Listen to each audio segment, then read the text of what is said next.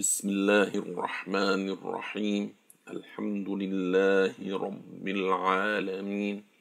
وأفضل الصلاة وأتم التسليم على سيدنا محمد وعلى آله وصحبه الطيبين الطاهرين. اللهم لا سهل إلا ما جعلته سهلا. وأنت تجعل الحزن إذا شئت سهلا. سبحانك لا علم لنا إلا ما علمتنا إنك أنت العليم الحكيم اللهم علمنا ما ينفعنا وانفعنا بما علمتنا وزدنا علما I start with the name of Allah. I praise Him and thank Him. I ask Him to raise the rank of Prophet Muhammad and to protect his Muslim nation from whatever he feared for them. This is lesson 16 in the book The Glorious Life of Muhammad sallallahu alayhi wasallam sallallahu alayhi wasallam the final prophet. We mentioned in previous lessons that Uhud at Uhud due to the archers deserting their posts the enemy came behind the Muslims and the Prophet was separated from his companions. However, the Prophet, as well as several companions, continued their fight. A short time afterwards, Muslims managed to resume control over the battle. However, 70 companions were killed, one of whom was Hamza, radiallahu the Prophet's uncle. Moreover, the blasphemers disfigured the dead Muslims' bodies, including cutting off their noses and ears, making necklaces of them.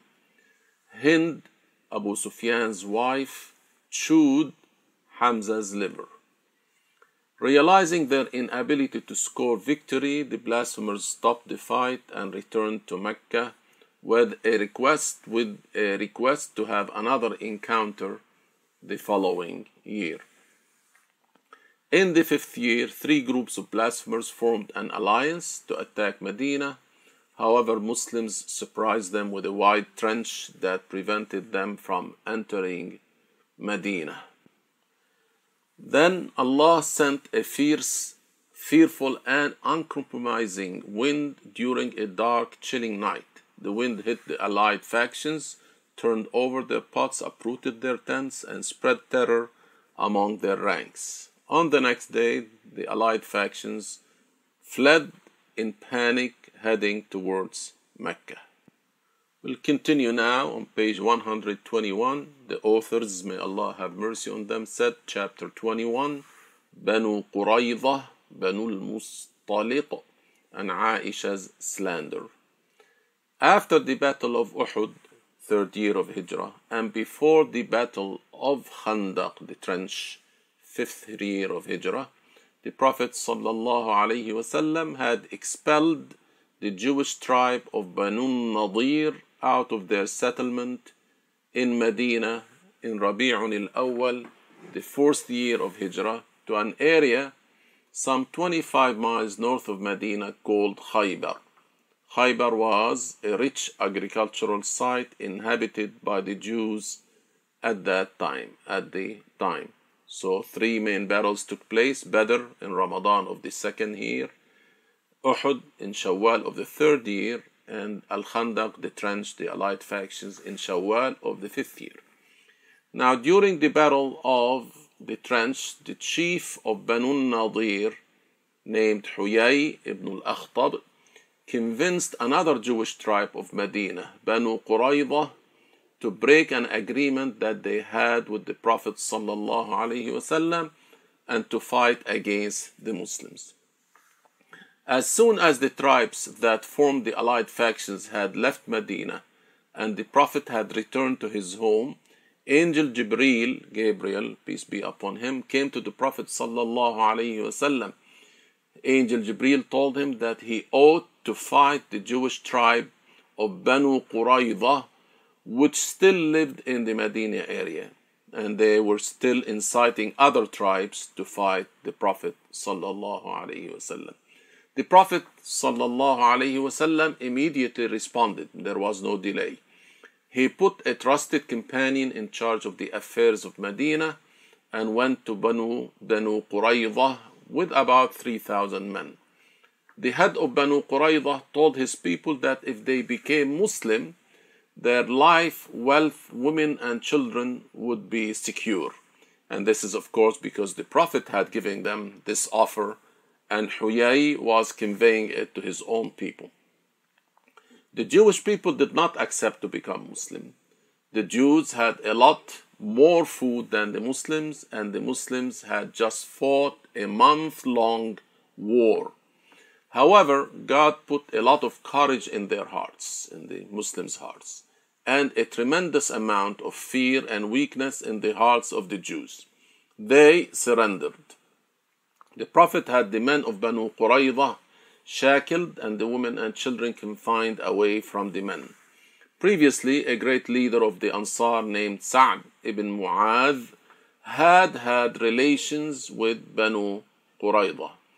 You know, before the coming of the Prophet to Medina, his immigration, there were two Arab tribes, Aus and Khazraj, and they were relatives. The Aus would ally with a Jewish tribe, and the Khazraj would ally with another Jewish tribe, and incitement takes place. They fought each other Sa'ad ibn Mu'az was from the Khazraj, had relations, history relations with Banu Qurayza.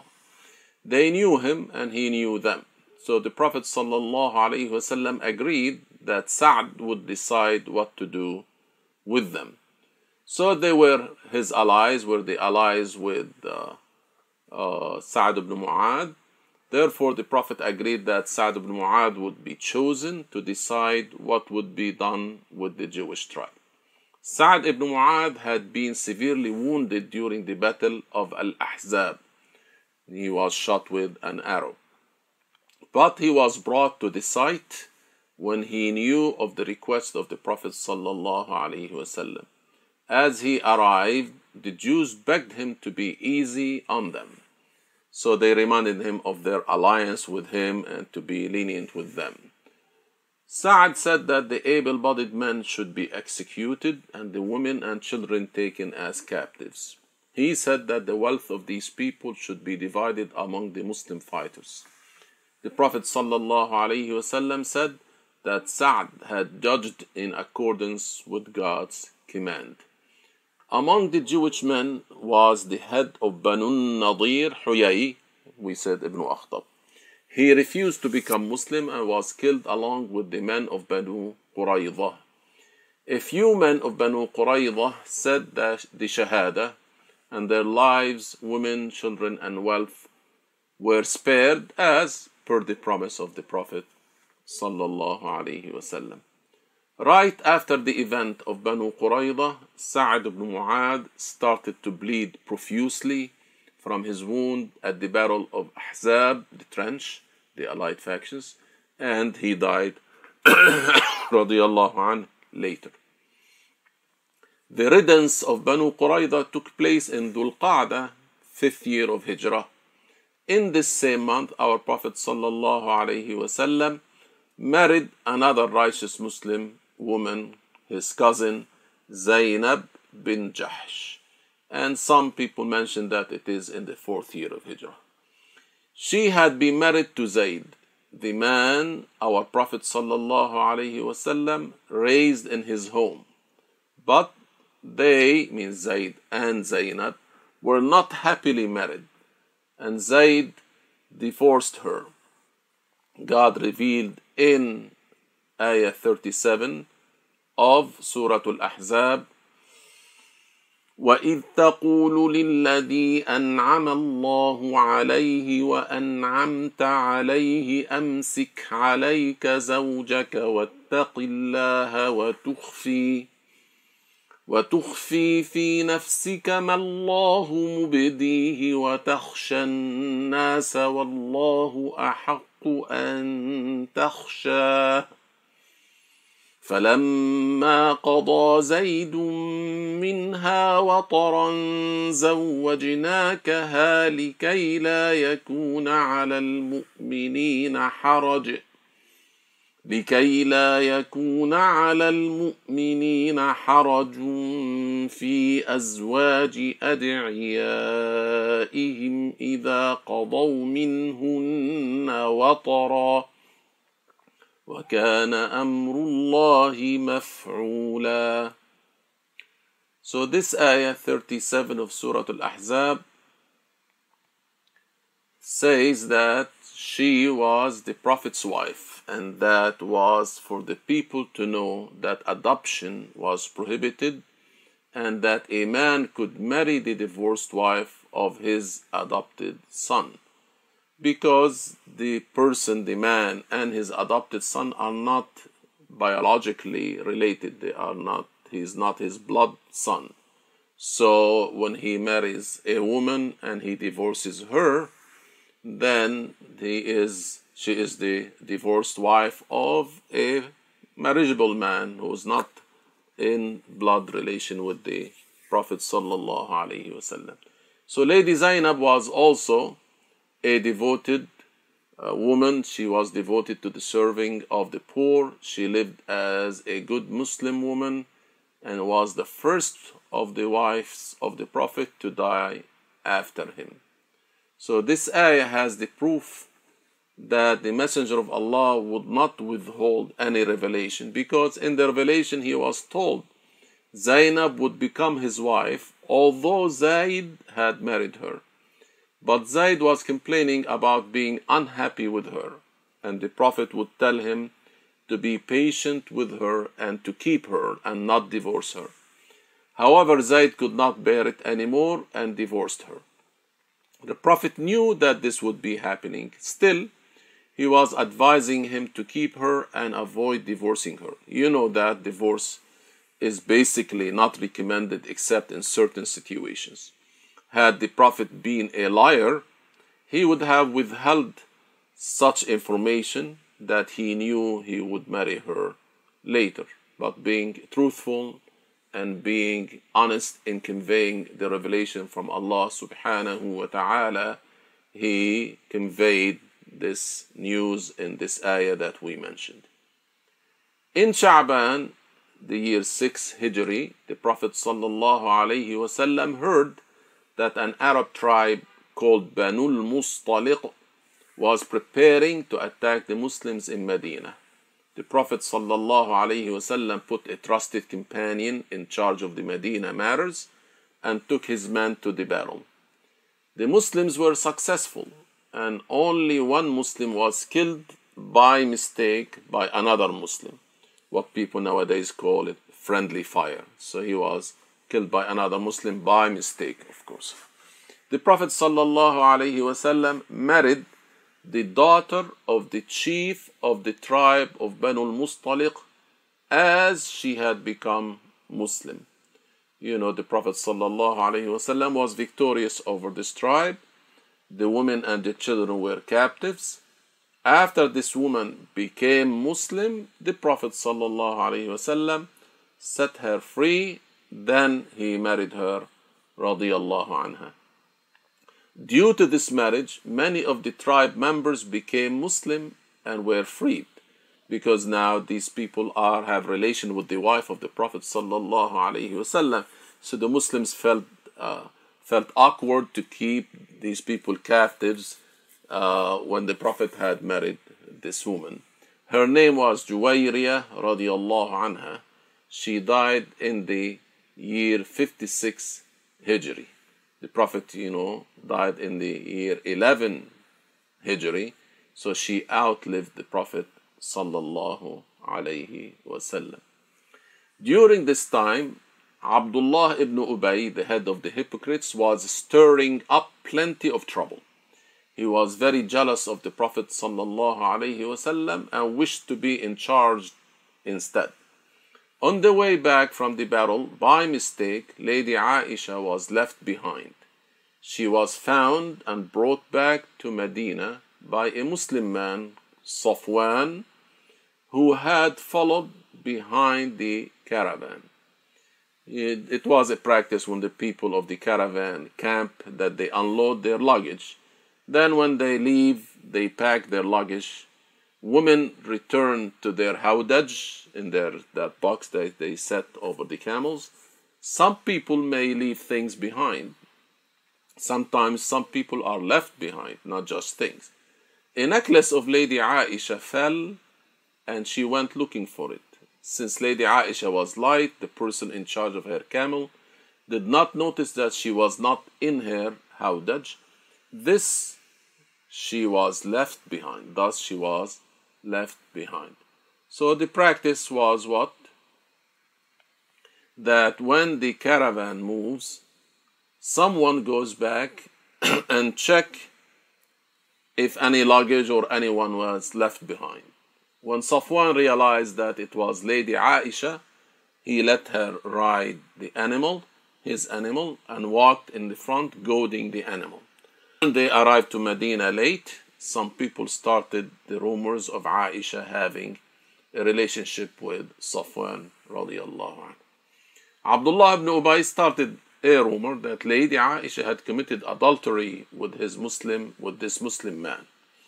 God revealed verse 11, ayah 11, 11 of Surah An-Nur to the Prophet sallallahu alayhi wasallam, telling that she was not guilty of this accusation and giving instructions to for how to punish those who falsely accused Muslims of fornication and adultery, the, the sin of qadhf, where a Muslim is accused of committing sin, or the sin of zina, without witnesses.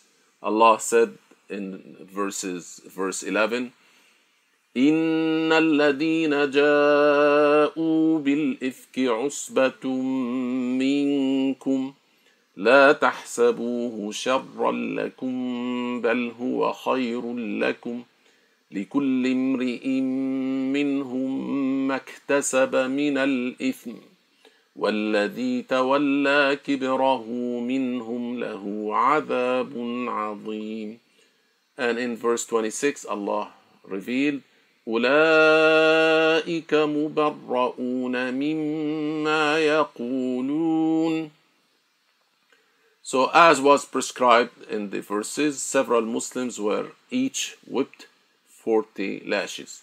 Because Allah revealed, والذين يرمون المحصنات ثم لم يأتوا بأربعة شهداء فاجلدوهم فاجلدوهم ثمانين جلدة ولا تقبلوا لهم شهادة أبدا وأولئك هم الفاسقون So they started a rumor that Aisha committed zina with Safwan. Allah revealed that Aisha was clear of such uh, an, an accusation.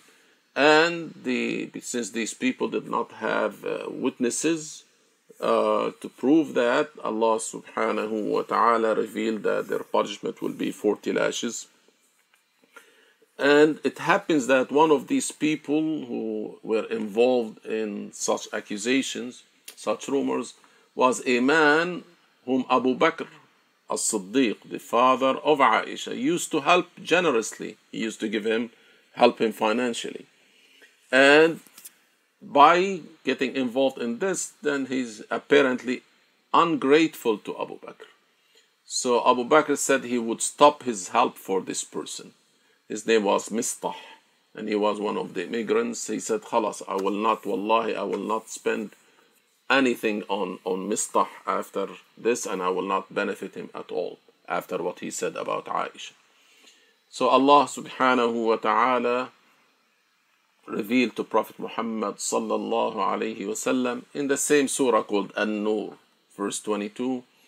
ولا يأتل أولي الفضل منكم والسعة أن يؤتوا أولي القربى والمساكين والمهاجرين في سبيل الله وليعفوا وليصفحوا ألا تحبون أن يغفر الله لكم ألا تحبون أن يغفر الله لكم Wallahu ghafurun rahim. So in this ayah, it is mentioned that the person of merit and you know help and wealth should stop should not stop helping relatives and the needy Muslims and the immigrants, you know, fi sabilillah. Let them pardon, let them forgive. Don't you love for Allah to forgive you? Allah is merciful and forgiving so Abu Bakr said Wallahi inni la uhibbu an yaghfir Allah li. Wallahi inni la uhibbu an yaghfir Allah li. I swear by Allah I love for Allah to forgive me Abu Bakr said. And then he came he resumed helping this man Mistah and he said Wallahi la anzi'aha minhu la anzi'uha minhu abada. And he said I will never stop this help to Mastah at all now, Lady Aisha was 18 years old when the Prophet ﷺ died. She lived until the age of 66, dying during the rulership of Muawiyah. The Prophet ﷺ mentioned that the status held by Aisha over other women of his nation is like the status of bread in broth, which is called tharid, over other kinds of foods. This was a commendation and the scholars say that she is one of the five greatest women. And you have in uh, footnote 1 on page 24, the Prophet ﷺ stated that the best women were Maryam, Mary, the mother of Jesus, Isa, Khadija, the daughter of Khuwaylid, his uh, late wife, Fatima, the daughter of Muhammad sallallahu and Asiya, the Pharaoh's wife. And these are mentioned in different hadith of the Prophet. So we finished chapter 21. Now chapter 22. The author said, chapter 22, the Treaty of Hudaybiyah, and some people say Hudaybiyah with a shadda. And this is an area close to Mecca. In the sixth Hijri year, Prophet Muhammad sallallahu saw in his dream that he was performing Umrah with his followers. And we know that the dreams of the prophets come true. Ru'ya al-anbiya'i wahyun. So the visions or the dreams of the prophets are part of revelation. And it's mentioned even you know before at the beginning of the life of the prophet when he was in Mecca that his dreams would come out as clear as the dawn. Just just like when the dawn breaks out and the night daylight shows up his dreams would be realized as much as clearly as that happens. So of course the umrah is in Mecca and the area were around the area of Al Masjid al Haram. The Prophet and companions were in Medina who left Mecca and had not returned to it yet. They had fought in Badr, Uhud, and other places, but they have not returned to their hometown Mecca. So when the Prophet ﷺ told his companions of his dream, they were so happy and hopeful of returning to the Kaaba after six years of being away. Consequently, at the end of the sixth Hijri year, in the month of Dhul Qa'dah, the Prophet ﷺ and 1,500 of his companions set out to perform Umrah. News of their approach had reached the enemy in Mecca, who sent out an army to oppose them. The Prophet ﷺ consulted with his companions this is a practice the Prophet ﷺ, you know, uh, was keeping. Allah said, وَأَمْرُهُمْ شُورَى بَيْنَهُمْ That the Muslims consult with each other. And the Prophet ﷺ is the best example of practicing this consultation. So they agreed. So the Prophet consulted with his companions. They agreed not to fight unless they were prevented from performing Umrah the Prophet ﷺ and his companions settled at a spot with a well called Hudaybiyah. And we mentioned the importance of water in those areas many times. So this area next to Mecca called Al Hudaybiyah had a well. The Prophet ﷺ you know, settled with his companions. Nowadays, you see people, wherever they go, they're carrying bottles of water and they are not living even in, in a desert. Now, some of the blasphemers tried to attack the Muslims but were not successful. Then some blasphemers came to talk to the Prophet wasallam. He, salam, informed them that he had not come to fight, but to perform the blessed Umrah. Finally, it was decided to send Uthman radiallahu ibn Affan to talk with the blasphemers in Mecca, as he was a man that some Meccans regarded highly. So it's important that you have good relations in your community so that one day when you are needed for such tasks to be able to represent the Muslims. Allah, Allah. Uthman spoke with Abu Sufyan, one of the leaders of Quraysh, of those pagans, and others also. So Uthman spoke with Abu Sufyan and others in a goodly way, calling them to Islam and explaining the Muslims' intentions. The enemy refused to allow the Prophet ﷺ to perform Umrah, but told Uthman that he himself may perform it. Uthman said, How would I avail myself of this opportunity when the Prophet ﷺ is denied it? So he said, I'm not going to make Umrah while you are preventing the Prophet ﷺ from doing it. It doesn't seem to be correct. The return of Uthman was taking a long time, and the companions at Hudaybiyah feared that the enemy had killed him. They gathered with the Prophet ﷺ under a tree and made a famous pledge to the Prophet ﷺ called Bay'atul Ridwan. The companions pledged that if the fight erupted, they would not run away or escape the battlefield. God referred, referred to this pledge in the Quran in Surah Al-Fath, verse 18. لقد رضي الله عن المؤمنين إذ يبايعونك تحت الشجرة فعلم ما في قلوبهم فأنزل السكينة عليهم وأثابهم فتحا قريبا So he informed us that he would reward the believers who gave the, their pledge to the Prophet sallallahu alaihi wasallam under the tree. The disbelievers saw the solidarity of the Muslims and instead of fighting them, they agreed to make a treaty with them, means with the Muslim. The treaty was to be written down. The clauses of the treaty were as follows. So the terms of the treaty were that were agreed as follows.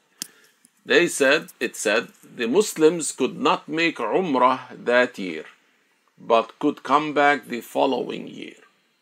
At that time, they could not stay in Mecca for more than three days. You could see they're restricting them. First, they're telling them, you, you know, you have to go back next year.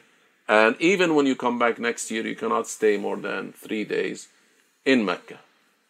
They could not, the Muslims could not come back armed, but could bring with them swords only, sheathed in scabbards, and these could be kept, should be kept in bags. So is that telling the Muslims, yes, you may have uh, some arms on you, but these swords should stay in their scabbards. They could not be out and they should also be kept in bags, not just on wearing them, they have to be kept in bags. Just like saying in our days, you can bring your handguns, but they need to be stowed away in boxes unlocked, not ready to be used. When activities, war activities, should be, means a third clause, war activities, activities would be suspended for 10 years, for during which both parties would live in full security and neither would raise a sword against the other. So, a peace treaty for 10 years. Thus, if anyone from Quraysh, so another term, if anyone from Quraysh went over to Muhammad sallallahu alayhi wasallam without his guardian's permission, he would be sent back to Quraysh. For example, if a slave were to leave Mecca to Medina without his master's permission, this slave, according to the clause of the treaty, this slave was to be returned to his master. Of course, seemingly, it was humiliating to the Muslims. How could a person who's coming to us be returned back to, taken back to the place from where he came, where he would be, of course, uh, in, in, in danger of being abused, etc. However, this clause continues to say, however, should any of Muhammad's followers return to Quraysh, he would not be sent back. So if any of the Muslims went to Mecca and he was caught there, then there is he would not be sent back to Muhammad. So this clause, seemingly to the Muslims at the time, seems that it has humiliation to them. Also, another clause any tribe who wished to join Muhammad or entered into a treaty with him would have the liberty to do so. So, people will have, the Meccans will not consider any tribe who wants to be an ally of Muhammad as performing an act of war. And likewise, anyone who wished to join Quraysh or entered into a treaty with them would be allowed to do so. It means both parts, the Muslims and the non Muslims, each part could have his own allies without you know considering having allies as an act of war from either party. And now this term to join Quraysh need to be clarified. So in footnote 1 on page 26, Joining Quraysh did not mean adopting their false religion. It simply meant being an ally of Quraysh. Our Prophet ﷺ would never agree to people adopting a false religion because this is kufr and Allah subhanahu wa ta'ala وَلَا يَرْضَى لِعِبَادِهِ الْكُفْرِ So Allah does not accept for His slaves to adopt or to embrace blasphemy and Muhammad sallallahu alayhi wasallam is the messenger of Allah. So he would be the first to obey Allah's order and not to accept that uh, or not to accept, condone, not to condone people going into a false religion other than the true religion of Islam. When writing the treaty, the disbelievers refused to allow the Prophet ﷺ be called the messenger of God. The Prophet ﷺ accepted that they write Muhammad, the son of Abdullah. So, Imam Ahmad mentioned that when they were trying to have the terms of the agreement, the treaty written down. Ali ibn Abi Talib was the one writing uh, on behalf of the Muslims by the order of the Prophet sallallahu alaihi wasallam. So when he said, the Prophet dictated to Ali, write, Bismillah ar-Rahman ar-Rahim. The representative of the pagans was called Suhail ibn Amr.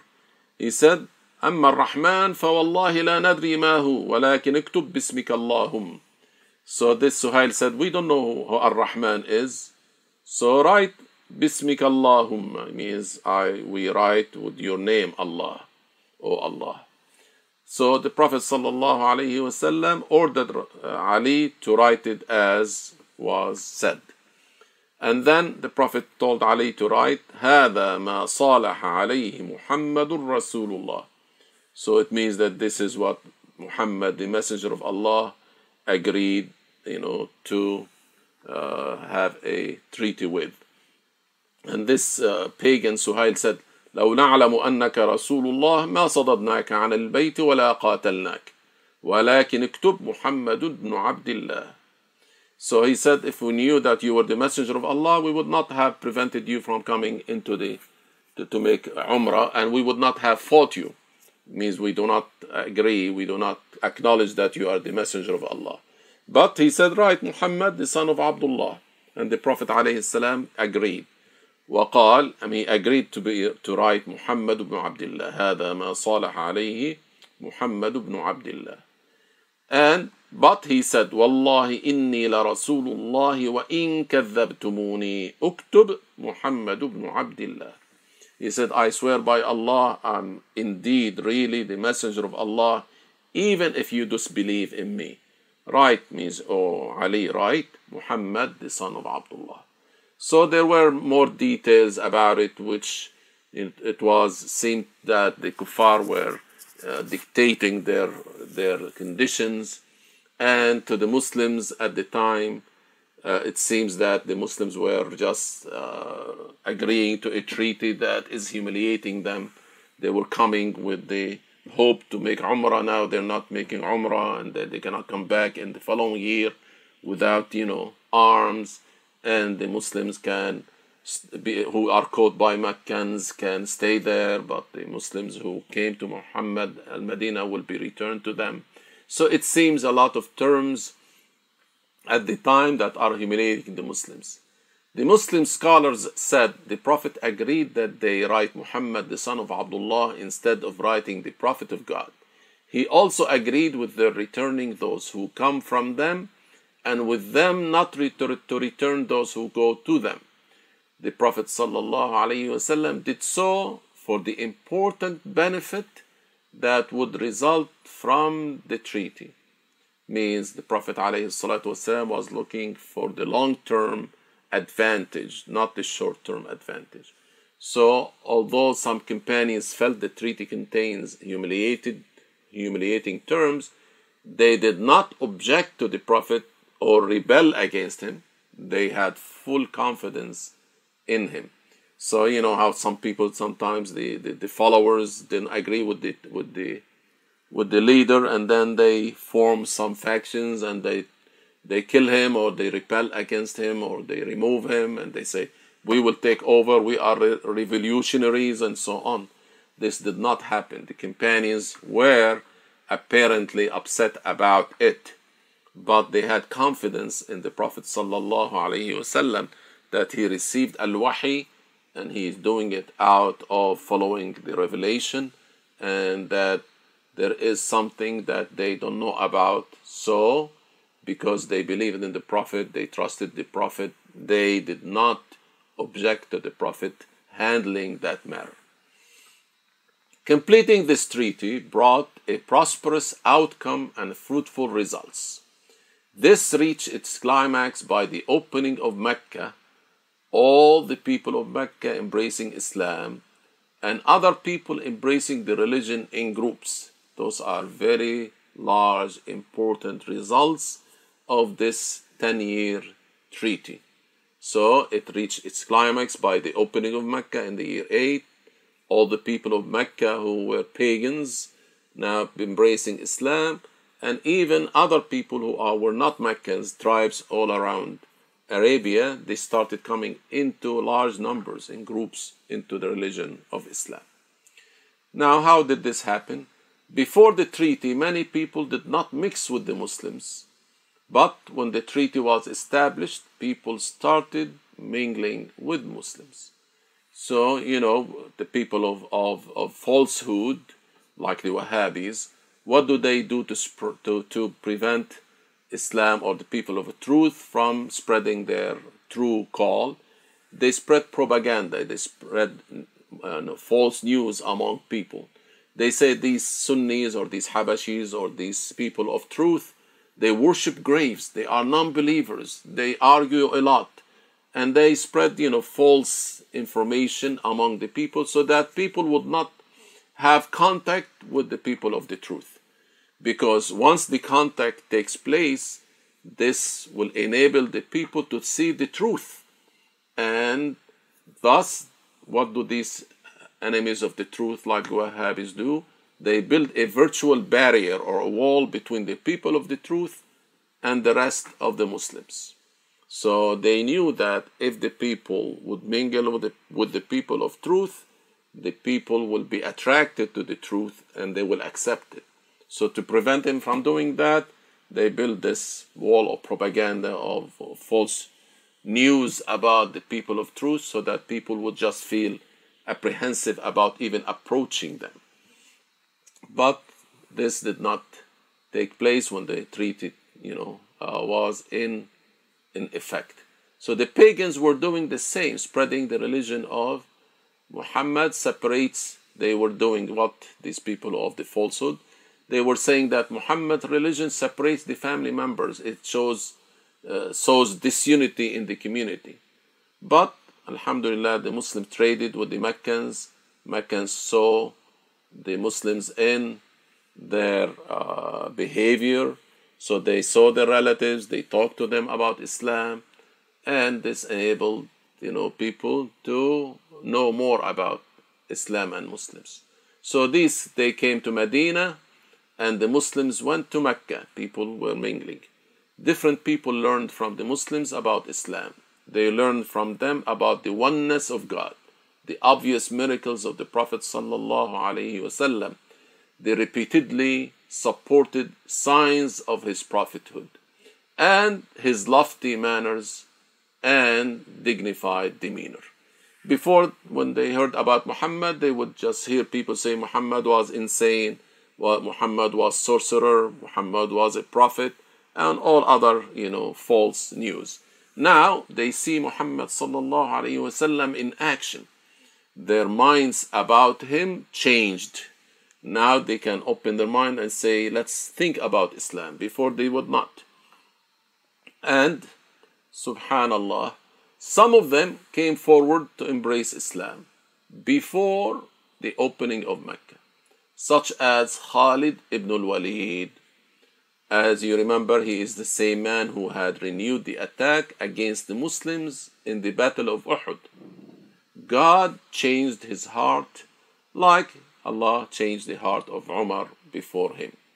Both men totally changed, becoming Muslims. Umar was a rough guy and was feared before he became Muslim, and he was, you know, he would hurt people. Khalid ibn al-Walid was, of course, uh, known for his military skill. So after they became became Muslim, they changed into righteous people. They went on to love the Prophet sallallahu alaihi wasallam with true sincerity and fought bravely for Islam.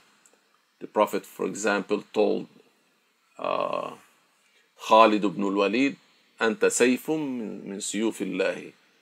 so he told him, You are a sword of God, means you are a warrior for the sake of God. And Khalid ibn al Walid was known to be skillful in warfare. Radiallahu anhu. Inshallah, we'll continue next time. We'll start chapter 23, which is letters to send to rulers. So the Prophet alayhi salatu was salam. Uh, had this treaty, Al Hudaybiyah, Sulh al Hudaybiyah. It seemed first it was uh, to be humiliating the Muslims, but the results, the fruits of this treaty, having peace between the two parties for some time, it did not, you know, uh, uh, last for 10 years as was intended because uh, later in few years the people of Mecca they broke the promise and then the Prophet والسلام, came, came into Mecca as we will be mentioning in later lessons inshallah لا إله إلا الله اللهم صل على سيدنا محمد وعلى آله وصحبه وسلم سبحانك اللهم وبحمدك نشهد أن لا إله إلا أنت نستغفرك ونتوب إليك.